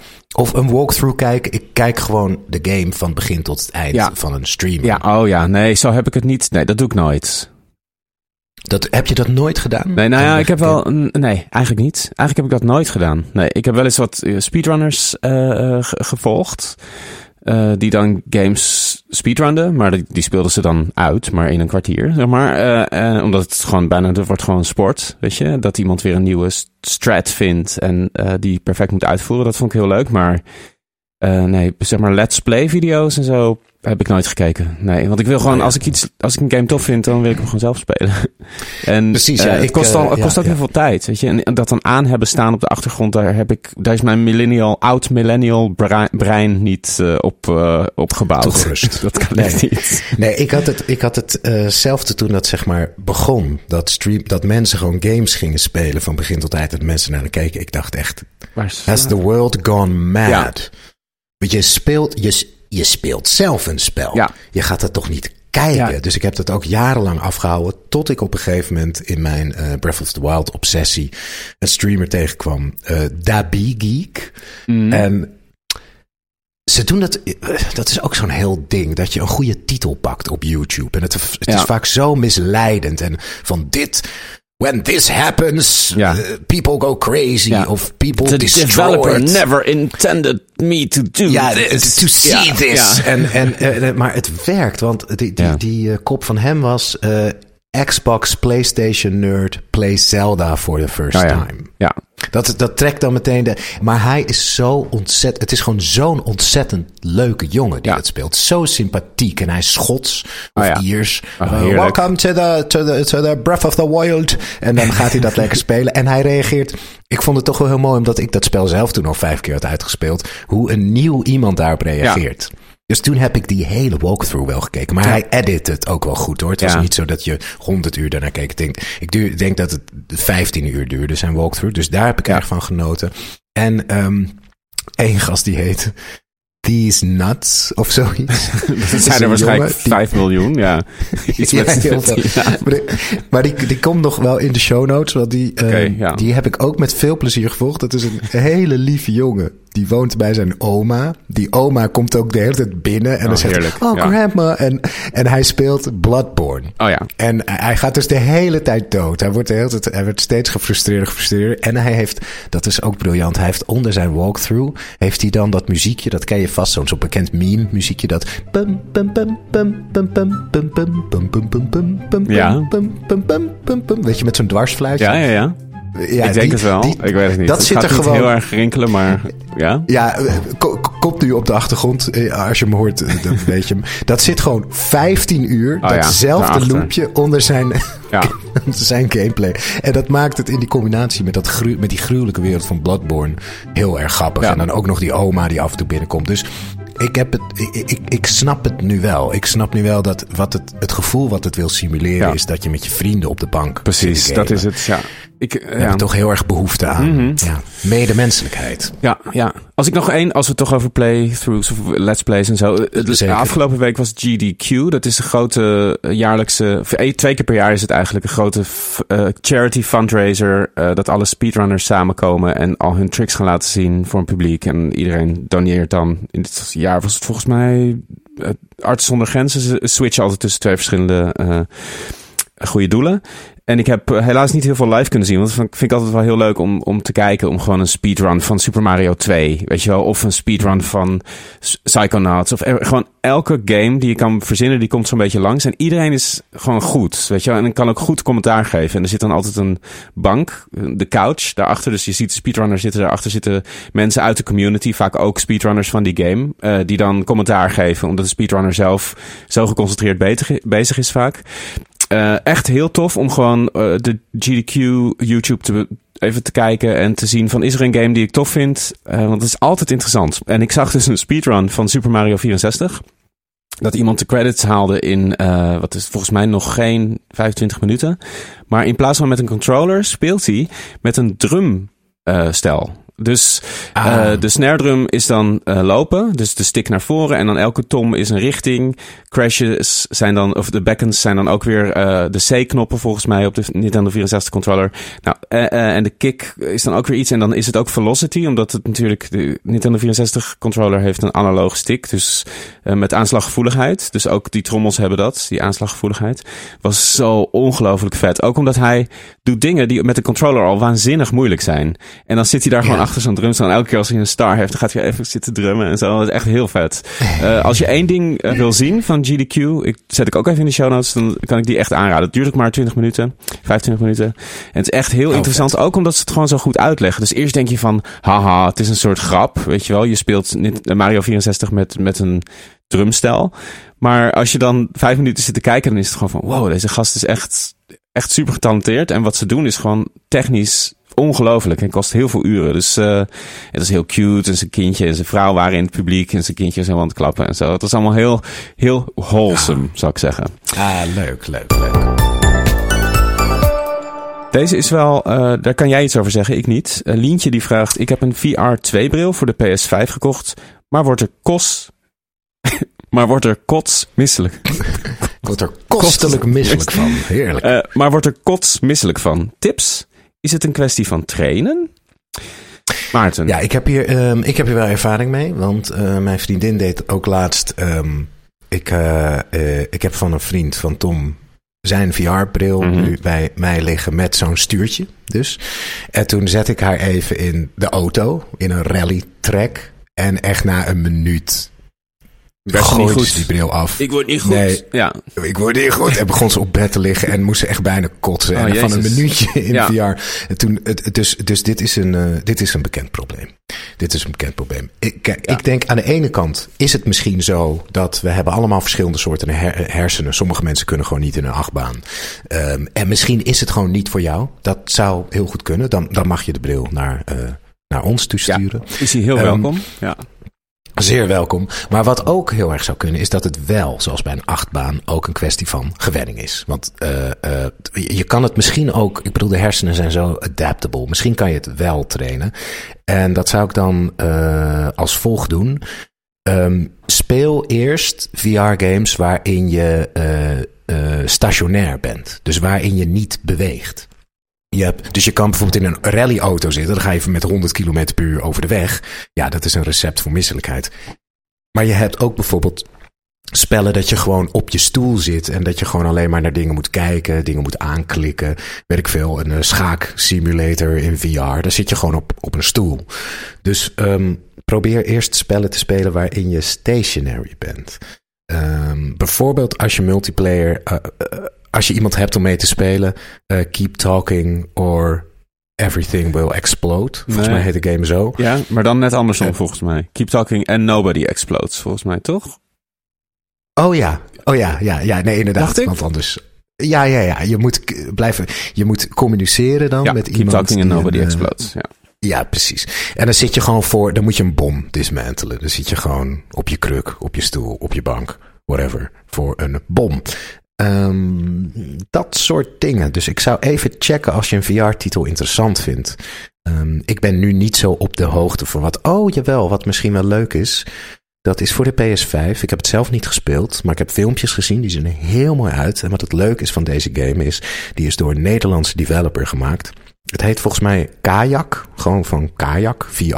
Het is dus niet helemaal stationary, want je zit in een, je zit in een kajak en je moet zo hebben met, met van een dubbele roeispaan. Maar kajakken gaat natuurlijk ontzettend traag. Mm. Voor, voor iedereen die wel eens in een kajak heeft gezeten. En het ziet er heel erg mooi. eh, je zit, je kan Mm. bijvoorbeeld ja, in die Arctic of door de jungle of door de allemaal mooie beekjes af. Dus misschien Ziet is er heel dat, goed uit, ja. Heel vet. Het ziet er, het ziet er foto Ja. realistisch uit. Toch? Toen ik het zag voor de eerste keer, dacht ik dat het gewoon gefilmd was. Ja. Het zag er zo mooi uit. Dus Ja. eh, shout-out voor de Nederlandse developer van Ja. Kajak. Ehm, probeer dat eens. En als dat, als dat het ook niet is, als je daar ook echt misselijk van... Doe het sowieso kort. Doe het gewoon vijf of tien minuten. Als het dat ook niet is, dan, dan is het misschien gewoon geen goede match. Ja. Oké. En dan kan de bril naar ons. Precies. Ja. We doen nog eentje. En dat is echt een, eh, een dilemma. Oké, wil je die, wil je die even voorlezen? Ja, heel graag. Lennart zegt het volgende. Hoi Maarten en Kees. Ik probeer Final Fantasy 16 uit te spelen, maar de game is zo ontiegelijk simpel dat ik er nu op 60% veel te weinig plezier uit haal. Heb hem weggelegd. Aangezien ik hem van mijn lieve vriendin als kerstcadeau heb gekregen, wil ik hem echter toch nog uitspelen. Kees, heb je, ondanks dat je er zelf ook niet optimaal van genoot, tips om het uitdagender te maken, zodat ik die laatste 40% nog kan tackelen? Desnoods een beetje hoop of een aanmoedigende het wordt nog wel wat spannender, zodat ik het minder zie als een hersendodende verplichting in plaats van game die waardig is aan de naam Final Fantasy. Ja, Nou, sowieso. Er ja. zitten natuurlijk een aantal dingen in, deze, in dit dilemma. Het gaat natuurlijk Inter- niet alleen over Ja. Final Fantasy 16, want daar kan ik best Nee. wat over zeggen. Maar het is natuurlijk ook het feit sowieso dat je soms een game begint met goede hoop. Helemaal als je hem van je lieftallige vriendin of vriend of van iemand hebt gekregen die denkt: Oh, hier ga ik iemand heel blij mee maken. Eh, en dat je. Eh, dat het gevoel je dan langzaam bekruipt van dit is niet wat ik had gehoopt dat het was. En hoe ga je daarmee om? Met die toch teleurstelling. Probeer daar doorheen te breken. Jij hebt natuurlijk het klassieke verhaal van jouw vader die jou ehm, Ja, Asterix. moest ik ook aan de denken. Drive. Ehm, Ja. Die toch uit, uit heel goed, ja, gewoon met een goed hart dat aan jou gaf. En dat dat dan niet, niet goed aankwam. Want dat is ook weer, Ja. dat is ook het ingewikkelde met games. En dit is natuurlijk een hele goede keuze. Als jij van Final Fantasy houdt, dan eh, moet je deze natuurlijk gewoon spelen. Ehm, dus eh, dat is sowieso lastig. En ik denk dat het, dat het, dat je eerlijk gezegd, dat je best dan toch iets uit zo'n game kan halen. Helemaal als je het verbindt met zeg maar, het goede eh, hart van degene die de, jou de game heeft gegeven. Eh, dat, dat geeft het een soort van, eh, denk ik, een soort van overtuigingskracht die, die dan de game toch wel interessant kan houden in sommige gevallen. Ehm, hangt ook een beetje vanaf hoe lang en weet je wel wat een time commitment het is. Ehm, maar om gewoon even direct an- antwoord te geven op je vraag. eh, ik vond Final Fantasy 16. Er zijn mensen die de combat, want ik denk dat het een beetje van de combat gaat. Ik, had, ik vond het ook erg makkelijk. Je kan natuurlijk gewoon op, op moeilijkere modus zetten. Ik heb hem zelfs juist op een makkelijkere modus gezet. Omdat ik er gewoon geen plezier had in de medium. Want dat was al een soort van te makkelijk. Maar dan duurde het toch nog te lang om een enemy neer te halen. Dus ik dacht, als ik hem dan op makkelijk zet, dan hoef ik me helemaal niet meer daar druk over te maken. Dus dat heb ik gedaan. Eigenlijk gewoon totaal de andere kant op. En hem gewoon op makkelijk zetten. Zodat, ja, ik heb toch al geen, niet echt plezier in de combat. Dus laat dan maar helemaal zitten. Dat maakte het voor mij wel echt eh, eh, beter eh, te doen. Omdat je dan gewoon heel erg puur en alleen het verhaal speelt. En dat, moet ik zeggen, het verhaal uiteindelijk was ik toch wel echt geraakt. Ondanks dat ik, ik had veel problemen met de game, ook met het verhaal en de characters en alles. En ik, eh, ik denk dat ik deze game nooit had gespeeld als hij niet Final Fantasy had geheten. En alleen maar de, de reviews had gelezen, dan had ik dit nooit aangeraakt. Want het is echt, ja, toch heel anders dan wat je verwacht van een Final Fantasy eigenlijk. Ehm, maar het verhaal is toch wel. Ik, het raakte me toch in het einde. Dus in dat opzicht heb, staat er nog wel iets goeds klaar. En het is toch wel. Het is ook wel echt een epische game. Het echt, de boss fights zijn wel sowieso al echt de moeite waard. Eh, en hij is ook weer niet zo lang. Dus mijn tip is: zet hem gewoon op makkelijk. Dan hoef je ook niet meer. eh, en vergeet de combat. En zie dat gewoon als een soort van. Als, als, een, als een mes door de boter. Gewoon even die combat. En dan door naar de volgende cutscene. Want die zijn toch wel Hmm. Wordt, uiteindelijk gebeurt er toch wel wat. Wat denk jij, Maarten, met zeg maar die moeilijkheid? En dat je, dat je zeg maar over de helft bent. Dus ook al misschien alweer eh 15, 20, 25 uur hebt gespeeld. Nou, ik moet een beetje denken aan. eh, ik vind het wel interessant, het eh, eh, gegeven. Ik vind het eigenlijk saai, maar ik heb hem gekregen van mijn vriendin. Ja. Dus ik voel me verplicht om het te spelen. Eigenlijk zijn er twee dingen. Dus eh, eh, kijk, het gegeven is: je vindt iets niet leuk. En er zijn twee dingen die je toch het gevoel geven dat je het moet spelen. Dat is dat je het van je vriendin hebt gehad. En dat het Final Fantasy is. Van ik, ik moet toch loyaal aan deze serie blijven. Of de serie heeft me zoveel gegeven in mijn leven dat er moet toch iets in zitten. Ehm, ik snap dat heel erg. Ik kan dat zelf ook heel erg hebben. Maar ik, eh, ik heb sinds ik eh, het boek van Marie Kondo heb gelezen, de opruimgoeroe, Mhm. koningin, de queen of cleaning, Mhm. of opruimen, ben ik daar heel anders over gaan denken, over bijvoorbeeld cadeautjes. Kijk, ik zou het, stel ik geef iemand een, eh, voor zijn of haar verjaardag een cd-box met alles van Brahms. Ja. 50 uur aan Brahms. en diegene denkt na drie uur, ik hou helemaal niet van Brahms. Maar gaat uit schuldgevoel die 50 uur afluisteren. Dat is het laatste wat ik iemand wil aandoen van wie ik hou. Dus het feit dat je het van een geliefde hebt gekregen, betekent niet dat je slaaf van dat cadeau bent. Zeg maar, Nee. diegene zou ook niet willen dat jij eh, eh, ja, slaaf van dat cadeau wordt. En eh, wat zij in dat. Kijk, Marie Kondo gaat over opruimen. Eh, en veel mensen hebben moeite om cadeautjes weg te gooien. Bijvoorbeeld, oh ja, die eh yo-yo die ik zes jaar geleden van Pietje heb gekregen. Ja. Ja. die kan ik niet weggooien, dat heb ik van Pietje gekregen. Maar het, het, het- waar een cadeau over gaat, is over de gift zelf. En over de overdracht, het moment van geven. Zodra het is gegeven, is de functie van het cadeau eigenlijk gedaan. Dan is het gewoon een gebruiksvoorwerp geworden van degene Ja. die het heeft. En als je het niet meer gebruikt, then it's done. Ja. Weet je wel, dan is het gewoon. Dus ehm, eh, eh, ehm, het gaat over de liefde van degene van wie je iets hebt gekregen. Niet het, het voorwerp is een, is een vorm daarvan. En, en je moet niet de vorm gaan verwarren. Je, liever dat je die 50 uur die je nu in Final Fantasy wil steken. in je vriendin steekt. hè? Om het maar even zo te zeggen. Nee, maar liever dat je die tijd gebruikt om met haar iets te doen. Want het is haar cadeau en je houdt van haar. Dus waarom zou je het dan in het vormgegeven symbool van haar liefde steken? Ja, nee, ik, je hebt echt heel erg gelijk. Ik vind het heel mooi gezegd ook. Ja. Nee, dat is inderdaad een, een ehm, eigenlijk een misverstand over wat een cadeau precies is. Exact. Ja. Het is een misverstand. En het is denk ik ook een misverstand aan eh, liefhebber zijn, aan fan zijn. Want als je Final Fantasy 1 tot en met 15 helemaal geweldig vond, dan ben je juist, vind ik, in de positie om als Final Fantasy liefhebber te kunnen zeggen na 60%. de- deze is niet voor mij. Ja. Deze stop ik zoals, weet ik veel, een, eh, een eh, Quentin Tarantino eh, professor kan zeggen... oh, Death Proof is een van zijn mindere films. Mhm. Je mag dat onderscheid gewoon maken. Ja. Het is jouw leven. Ja. Weet je wel, je bent niemand iets verplicht. Eh, ja, dat. Ja, nee, zeker. Nou, goed. Ik ben heel benieuwd, Lennart, wa- wa- wat je, wat je meeneemt van deze, eh, van deze Ja. mindfulness clinic. Ja. Of wat? Nee, dat was het niet. Dat is flauw. Dat is het niet. Wat je meeneemt van deze eh, eh, Nee, het tips. is, het, is een beetje, het is een beetje mindful. Ja, Een beetje- zeker. ja, er is ook niks mis mee. ja. Eh, dat is alleen maar goed. Ehm, we gaan even naar het nieuws. We gaan even naar het nieuws.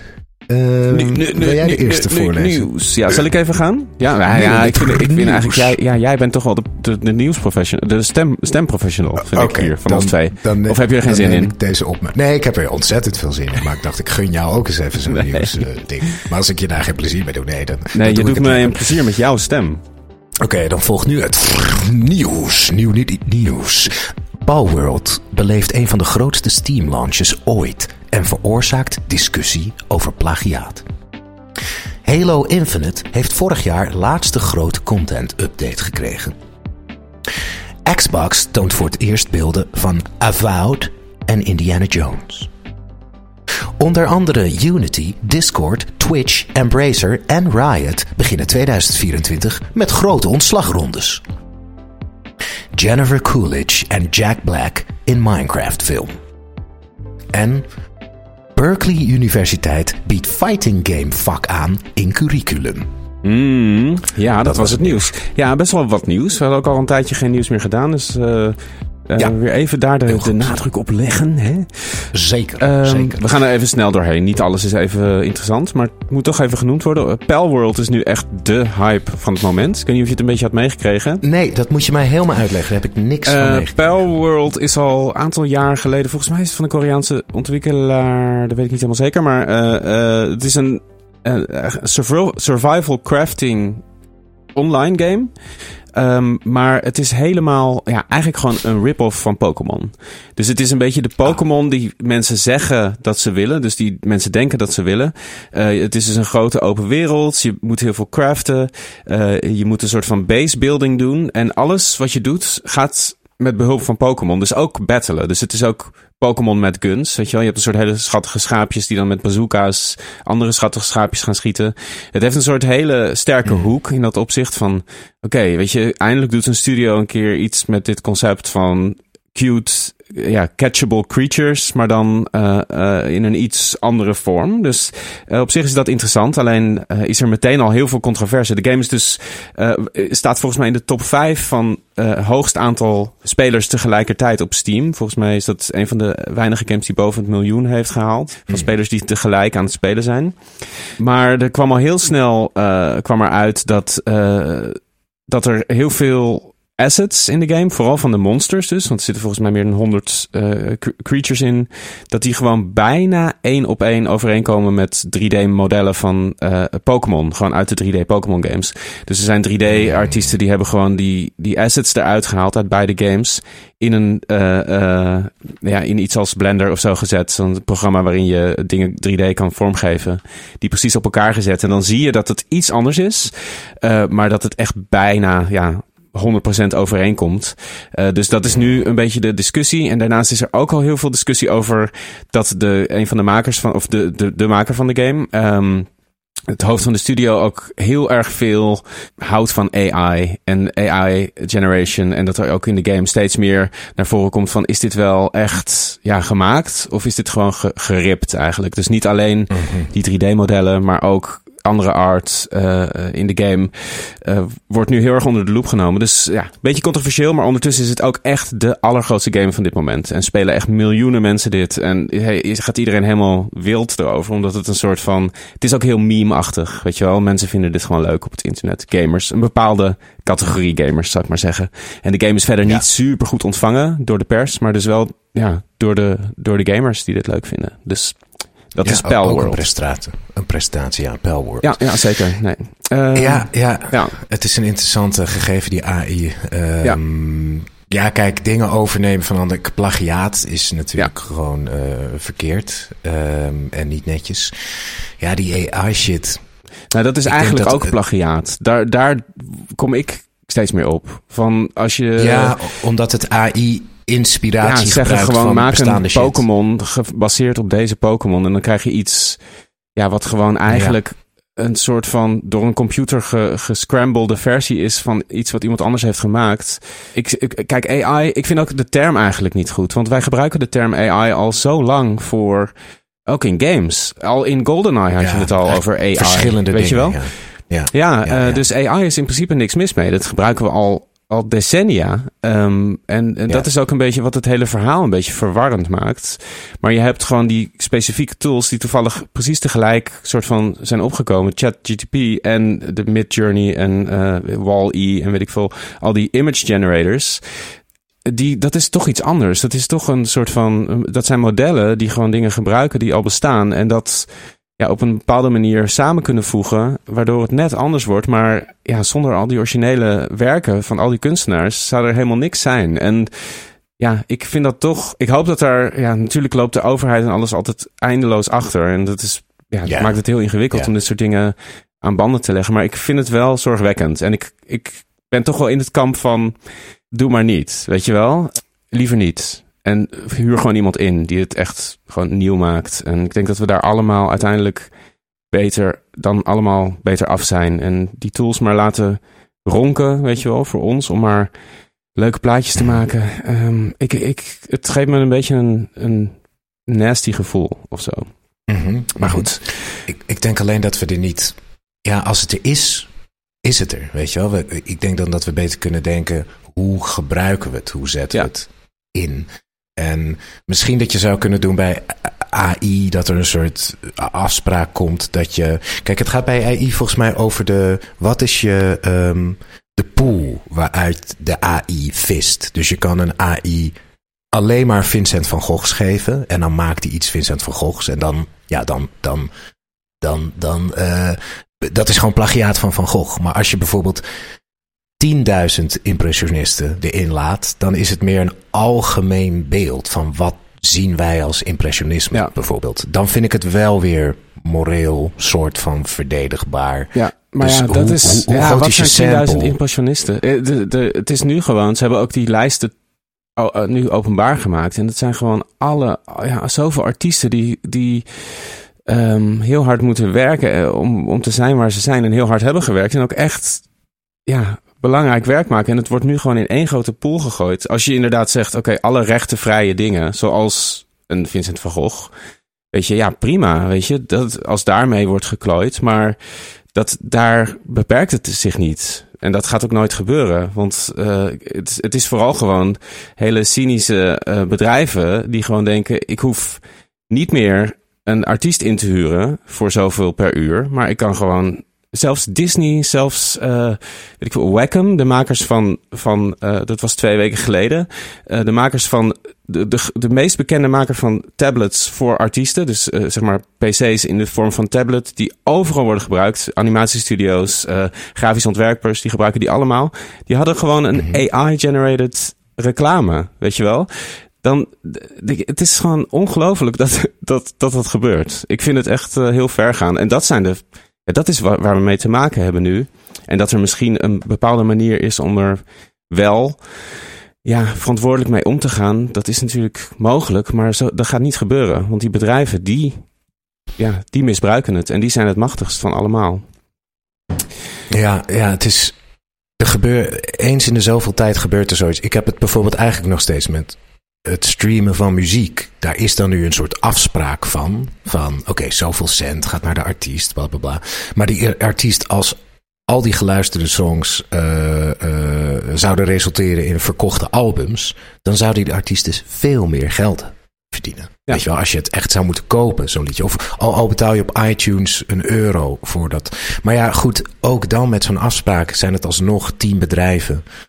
Ja, het zijn gewoon Apple, die, Spotify, die, die alles hele, krijgen. Ja, dat is met al die nieuwe technieken, die worden gewoon gekaapt door grote, grote ja, kwaaien uh, bedrijven. Maar zou iemand, Kees, om uh, mm -hmm. advocaat van de duivel ja, te zijn, nee, jij nee, maakt graag, muziek. Graag. Uh, zou een, een rocker uit de jaren zestig, die zou hetzelfde kunnen zeggen als jij een liedje maakt en je zet VST'tjes in voor baslijntjes en dat soort dingen. Mm -hmm. Die zou dan ook kunnen zeggen, maar jij, moet, jij huurt mij daardoor als bassist niet meer in.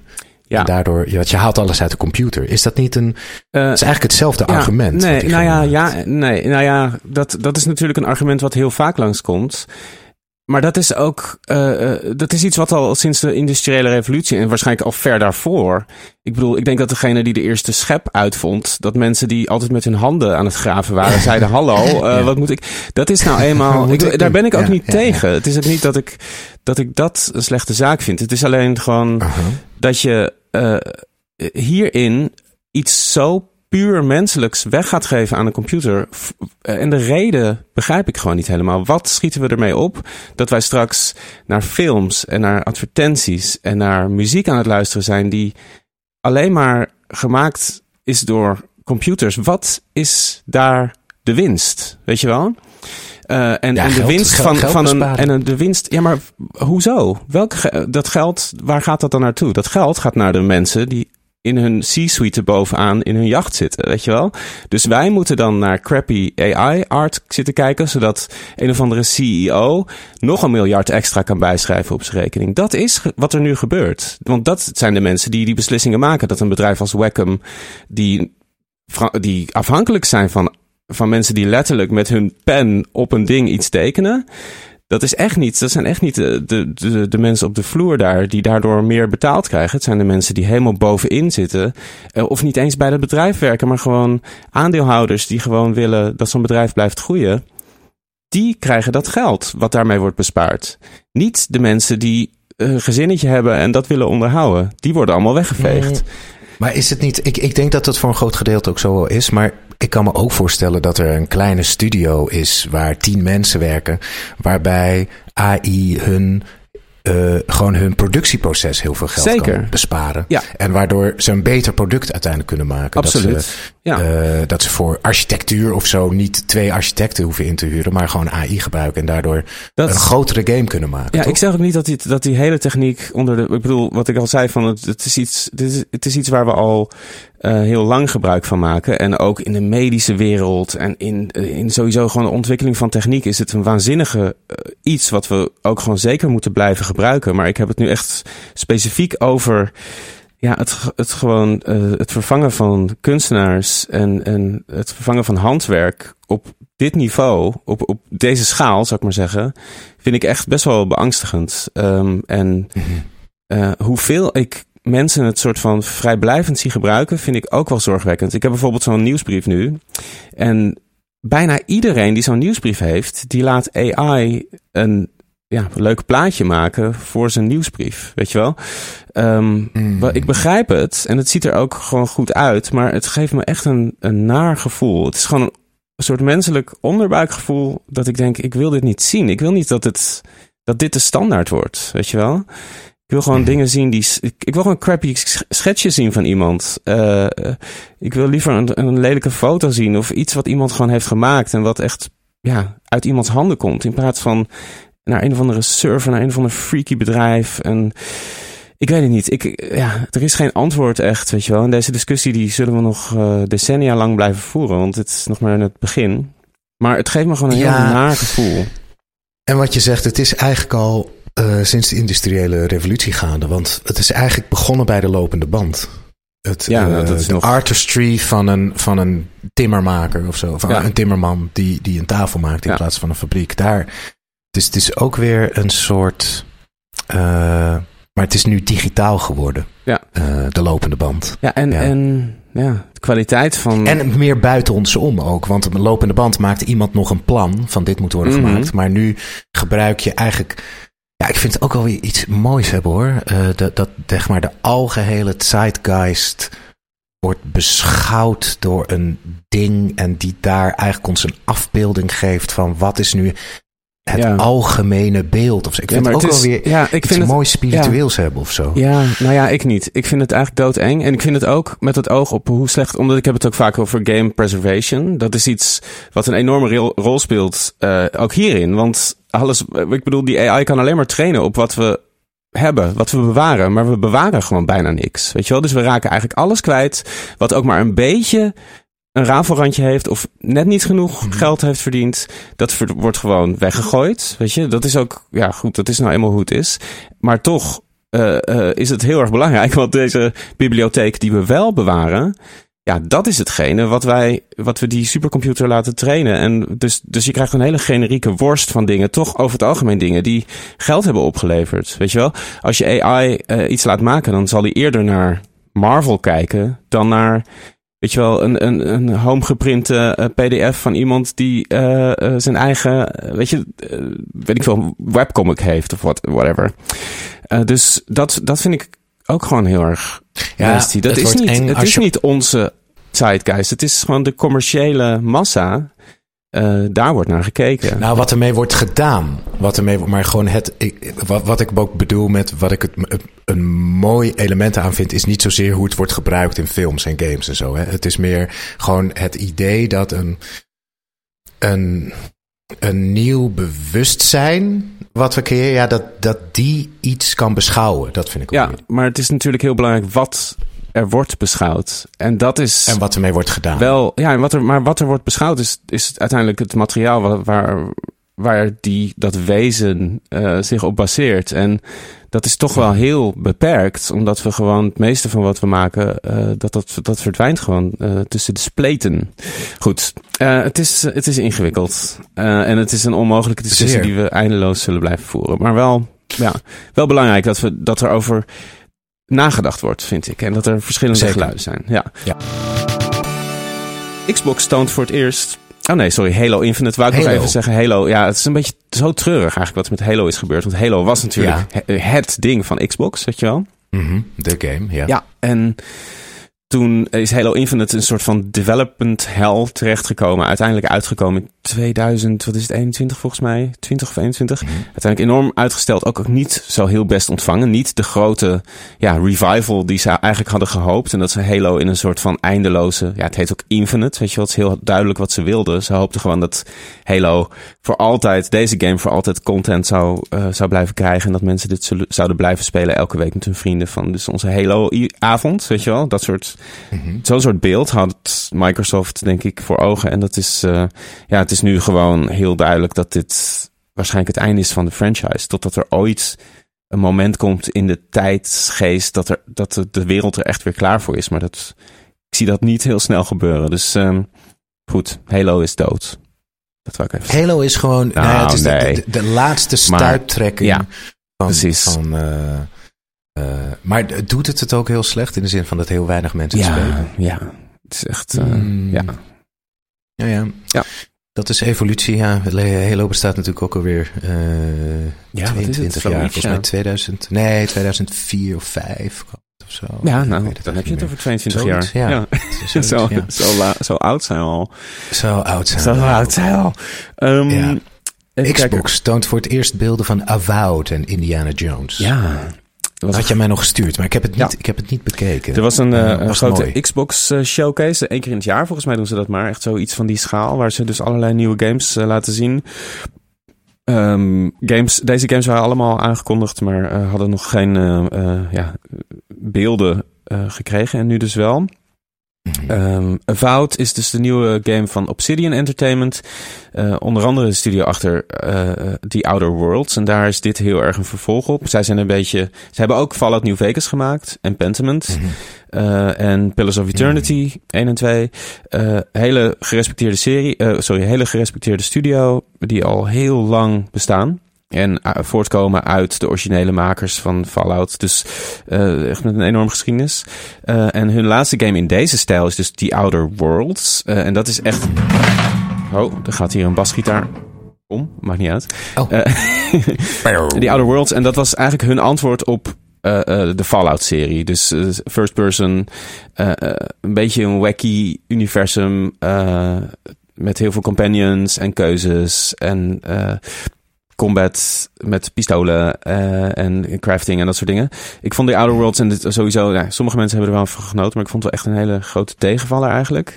Eh, goed, en dit is hun nieuwe eh, game, maar dan is het in plaats van Fallout dat ze zich hebben gebaseerd op Skyrim eigenlijk. Dus dit is hun fantasy versie van, eh, eh, van zo'n soort game.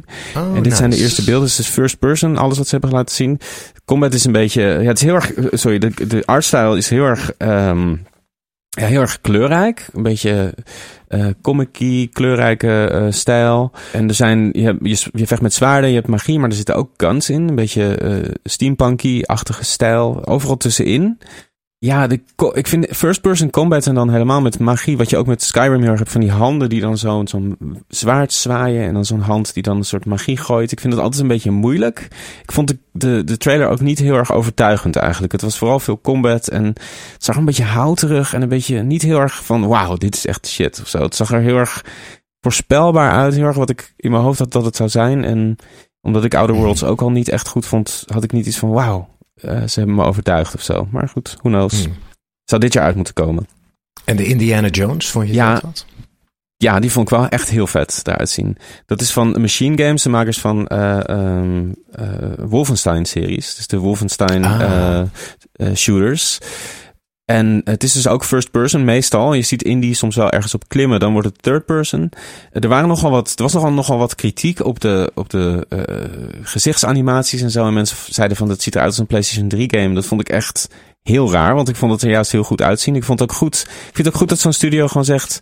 Wij zijn een first-person studio, dus deze game is ook first-person. Het zag er heel erg uit als een, kort door de bocht, first-person Uncharted. Met Indiana Jones. Hmm. Ik moest maar... Lo- logisch ook. ja, Ja, want Uncharted heeft Ja. natuurlijk heel erg naar, naar Indiana Jones gekeken. Indiana dus de cirkel is wel weer een beetje rond in dat opzicht. Eh, ik vond het echt... Ik, heb, ik moest lachen in die trailer. Ik vond het er... eh, je hebt een zweep waar je allemaal vette dingen mee kan doen. Je kan mensen ook afleiden door tegen de muur te slaan. En dan... dus er zit wat sneaking in. Er zit ook gewoon echt gunplay in. Omdat zij... Ja, dat is natuurlijk hun sterkste kant. En eh, het is zo grappig, want Indiana Jones ben je natuurlijk ook enorm tegen de nazi's aan het vechten de hele tijd. En dat komt ook weer, eh, ja, in die Wolfenstein games natuurlijk ook voortdurend langs. Ja, ik was heel erg overtuigd. Ik vond het echt heel tof. Eh, en eh, misschien ziet het er een hier en daar, vooral Indisch gezicht, een beetje, ja, gummy noem ik. Vind ik het altijd een beetje een soort doods. Een beetje, ja, dat het een Mhm. beetje iets mist. Maar eh, ik vond het er goed uitzien. Verder waren er nog wat games eh, die ze lieten zien, maar niks waarvan ik dacht, oh, eh, dit is cruciaal. Hellblade 2, bijvoorbeeld, die wil ik wel zien. En, en Visions of Mana, een nieuwe uit JRPG. En Ara, eh, dat is een grote strategy game. Eh, eerste deel in een nieuwe strategy game serie. Dat is ook wel vet uitzag. Maar Indiana Jones en Avowed waren voor mij wel de, de interessantste. Oeh ja, het Ja. ziet er wel goed uit hoor. Ik vind het helemaal niet als een PS3 game. Nee. uitzien. Nee. Totaal niet. Nee, wel vet toch? Totje Howard. Ja, ja, heel ja, vet. heel vet. Howard. Het was zijn... Hij is volgens mij executive producer, dus hij is niet direct betrokken, Ja. maar hij heeft het wel een soort van gepitcht volgens mij. Van volgens mij moeten zij, moet deze studio een Indiana Jones, eh, Indiana Jones game gaan maken. En eh, ja, ik heb er wel zin in. Nice. Ja, heel erg Uncharted inderdaad. Ook de omgeving gewoon. Ja, ja, Ja. Uncharted is gewoon Indiana Jones. Ja. Maar eh, leuk inderdaad, dat is zeker. Ja, en het is ook, eh, het was niet duidelijk. is. Ik weet niet wie de stem deed, maar het klink, klonk heel erg als een jonge Harrison Ford. Dus ze hebben denk ik een hele goede Hmm. imitator gevonden. Of ze hebben iets geks gedaan met AI, maar ik denk het eigenlijk niet. Ik denk dat dit gewoon, het klonk heel, heel natuurlijk en echt. Eh, dus ik denk dat ze gewoon iemand hebben gevonden die hem heel goed kan nadoen, zeg maar. De oude, de oude Harrison. Of de jonge Harrison van vroeger, zou ik maar zeggen. Ja, de oude jongen. De oude jongen. Ehm, even kijken. Ja, ontslagrondes weer. Even een rondje ontslagen. Bij Unity, Discord, Twitch, Embracer en Riot eh, is er weer echt eh, per studio tussen de 15 en de 30 procent eh, ontslagen. Veel investeringen gedaan de laatste tijd die misschien niet helemaal genoeg hebben opgeleverd. En ja, dat, dat is de molen. Zo gaat het. Maarten. Ja, ik heb, eh, dit, dit vond ik erg leuk. Ja, die had jij even mee. Ja, die zijn ook heel leuk. Ja, Jennifer Coolidge en Jack Black. Toch twee eh, ja, hele interessante acteurs. Mm. In Minecraft film. Er komt dus een, eh, er komt dus een Minecraft film. Het is, het is een totale hype nu om van games films te maken. En dan ook van games waarvan je denkt, hoe de fuck maak je daar een film van? Ja. Ehm, het is gewoon, eigenlijk pak je gewoon een merknaam. En je moet in die setting dan gewoon een heel goed script schrijven. Ja. Daar komt het op neer. Ehm, maar ik vind het toch wel heel grappig dat iemand als Je- Jennifer Coolidge Ja. en Jack Black dan ja tegen zo'n project zeg- zeggen. Ze moeten, ze moeten wel, er moeten fantastische rollen voor, voor hun worden sch- geschreven. Zo, Ja. eh, zoiets zal het wel zijn. Ehm, maar ja, ik vind het erg leuk. Jack Black is een van mijn favoriete artiesten. En dan Jennifer Coolidge is natuurlijk Zij is te gek. The ja. Queen van White Lotus. Ja. Eh, hele goede serie overigens ook. Ehm, en Wat ze gaan het film? lekker in, eh, Ik ben heel... ze gaan het in Nieuw-Zeeland filmen. Ah, kijk. Dat was, ja, dat kan ik me wel leuk. voorstellen, ja. Ja, wat wordt het dan? Hè? Waar, waar, wat, ja, waarschijnlijk wordt het een soort avonturenfilm. En Ja, dat iemand gewoon. maar toch ook moet- iets met craften. Ja, precies, ja. Dat hij een huisje moet bouwen om. En dat er dan s'nachts de. En dat misschien dat de monsters en zo, dat die nog wel heel erg Minecraft die eruit zien, maar dat alle mensen. Of, of dat zij gewoon in de Minecraft-wereld worden gezogen. Weet je wel, dat kan natuurlijk ook. A la Jumanji. Ja. Ja, ja. Ja, het kan bijvoorbeeld zijn dat eh, Jack Black is zo'n eh, is zo'n eh, boer in een hutje in Nieuw-Zeeland. Mhm. En die moet, gewoon, die moet gewoon met blokjes en zo zijn basisgoed.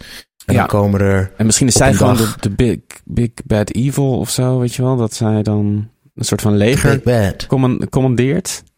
Nou, stel je voor, hij is de enige niet-blokkenman in de Mhm. wereld. Mhm. En dan komen er op een dag andere niet-blokken mensen bij hem. Ja. En dan denkt hij, hé, hey, wat is dit? En dan gebeurt er, dan gebeurt er allemaal, eh, allemaal eh, vrolijks. En Knotsgekke eh, capriolen. knots, knotsgekke capriolen Ja. beginnen er dan. Zoiets. Nou ja, we moeten maar af. Hij komt pas over eh, in 2025. Precies. 2025, ja. En dan nog een, eh, een nieuwtje. Oh, wacht, ik ben in één keer mijn dingetje kwijt. Ah, kijk, daar staat hij al. Ehm, de Universiteit van Berkeley in Californië. Die biedt dus een course aan in fighting games. En dat, Ja. daar kan je dan gewoon, dat is gewoon een course die je daar kan doen op de universiteit. En krijg je daar punten voor. Ik vind het ontzettend leuk, want Ja. het, is, ehm, het is natuurlijk enorm iets wat speelt in een bepaalde eh, subcultuur. Of in de, in de gamecultuur heb je een enorme subcultuur, de fighting games. Het is ontzettend moeilijk. Het is waarom ik geen fighting games meer speel. Ik dacht vroeger dat ik heel goed was in Street Fighter 2. Omdat ik altijd tegen de computer speelde. En toen bij Street Fighter 4 ging ik online. Nou, ik werd echt gesloopt. Gesloopt. Ja, meteen. het is gewoon echt- topsport dan. Ja. het is een soort instrument bespelen of zo. Het is Precies, heel ja. erg eh, eh, eh, moeilijk. Maar dit vak gaat. ehm, het, het is eh, gericht op mensen die minder dan 100 uur in fighting games hebben gestoken. Oké. Ik denk dus wel dat jij tot Ja. die categorie behoort. Ja, ja, ja, absoluut. Ja. Ehm, en het, het gaat dus over. Het doel van de klas is dat je op een van beginnerslevel naar een mid-tier level komt. oh ja. En dat is al best wel veel. Dat is best veel, een ja. Competitive fighting game. Dus Ja. oké, een mid-level word je. Oké. En het gaat ook heel erg over de geschiedenis van fighting games. De geschiedenis van de subcultuur. Ja. Eh, dus het is gewoon een hele, hele Vet. grote course. Ehm, Ja, vond ik erg leuk. Ja, toch heel... heel, heel Al- al- Als heel ik op cool. Berkeley zou zitten, zou ik zeker deze koers. Zou ik wel even een paar puntjes daar pakken. Ja, Zeker weten. zeker weten. Ehm, absoluut. Oké, nou ja, volgens mij zijn we rond, Maarten. We hebben, ja, we hebben alles besproken wat maar te We bespreken hebben zoveel besproken. Ja, we hebben van zoveel cadeautjes besproken. tot eh, de toekomst van AI, tot, eh, ja, weet ik veel. Ik weet het al niet meer. Het was zo lang. Het was zo ja. verdorie. En we hadden, kijk, Kees en ik pak- pakken altijd wel een onderwerp per podcast. Nu Ja. halen we gewoon, we halen gewoon nieuws en brief in. En Ja. het is een verdomd lange aflevering geworden. Kijk, ja. En helemaal gratis en voor niks. dat ook. Je kan, Helemaal gratis en je kan niks. wel gewoon lekker eh, sterretjes geven. hè? Raten. Zeker. Ik zag weer Je twee hele lieve reviews. Vijf sterren reviews op Apple. Ja. Daar ben ik heel, daar zijn we echt heel blij mee. Die lezen we allemaal en dan krijgen we echt hele, dat maakt ons dag echt. Dus eh eh blijf dat lekker doen. Ja, en dat helpt ons En ik- echt. Ja, en ik kreeg een heel lief... eh, oh ja, en daarover, over die ratings. Wat we, daar wees iemand me op. Dat vond ik wel een goeie. Ehm, eh, dus het is heel goed. Hè, wij moeten zeggen, rate ons. Want mensen moeten ons Rate raten. ons. Maar er zijn natuurlijk heel veel mensen in ons publiek... die ons al lang hebben gerate. Dus Ja. bij elke ra- rate, elk rateverzoek... Ja, wil ik eigenlijk van, ook eens zeggen... als je het al hebt gedaan, bedankt. Precies, hey, dat is heel mooi. Ja, Bedankt voor de rate. bedankt voor de rate. eh, bedankt voor de rate. En ik kreeg ook een heel lief berichtje van Merel. Ehm wiens, eh, nou dan ben ik haar eh, artiestennaam even kwijt. Eh, dat is dan omgekeerd Merel. Weet je wel, die rapper? Zij rapt. Elmer. Elmer. Oh, Elmer, Een, een, ja. een- ja, dat is een, hoe noem je dat? Een, een anagram? Nee, een gram. Happen de Dat je letters door elkaar gaan. Nou, zo'n ja, gram. Ja, een gram. Zij is een hele, hele goede rapper. Ze Mm. maakt hele vette muziek. En Zeker, ze ik is ken ook haar. heel erg gamer. En, eh, en eh, ik kreeg een heel lief berichtje van haar. Dat ze het zo leuk vond, onze podcast. Omdat, het dan, omdat zij geen vrienden heeft die gamet. En dat het dan toch een beetje is alsof je vrienden hebt die gamet. Nou, daarvoor Nou, doen we het. Merel en alle andere Merels en Elmers. En eh, we zijn er voor je. Elke week. We zijn er voor jullie. Hier. En volgende week zijn we er weer. Absoluut. Oké, tot dan lieve mensen. Fijne dag, jongens. Doei, doei. Doei. Bedankt voor het luisteren naar de Videogame Show met Maarten Heijmans en Kees Groenteman. Wij zijn als show en afzonderlijk te vinden op onder andere Instagram, Twitter en TikTok. Voel je vrij om de podcast overal te volgen en een mooi aantal sterren te geven. Daarmee help je ons enorm. Muziek en montage door Kees Groenteman. Artwork is van Hanna Gilhuli. Tot de volgende show.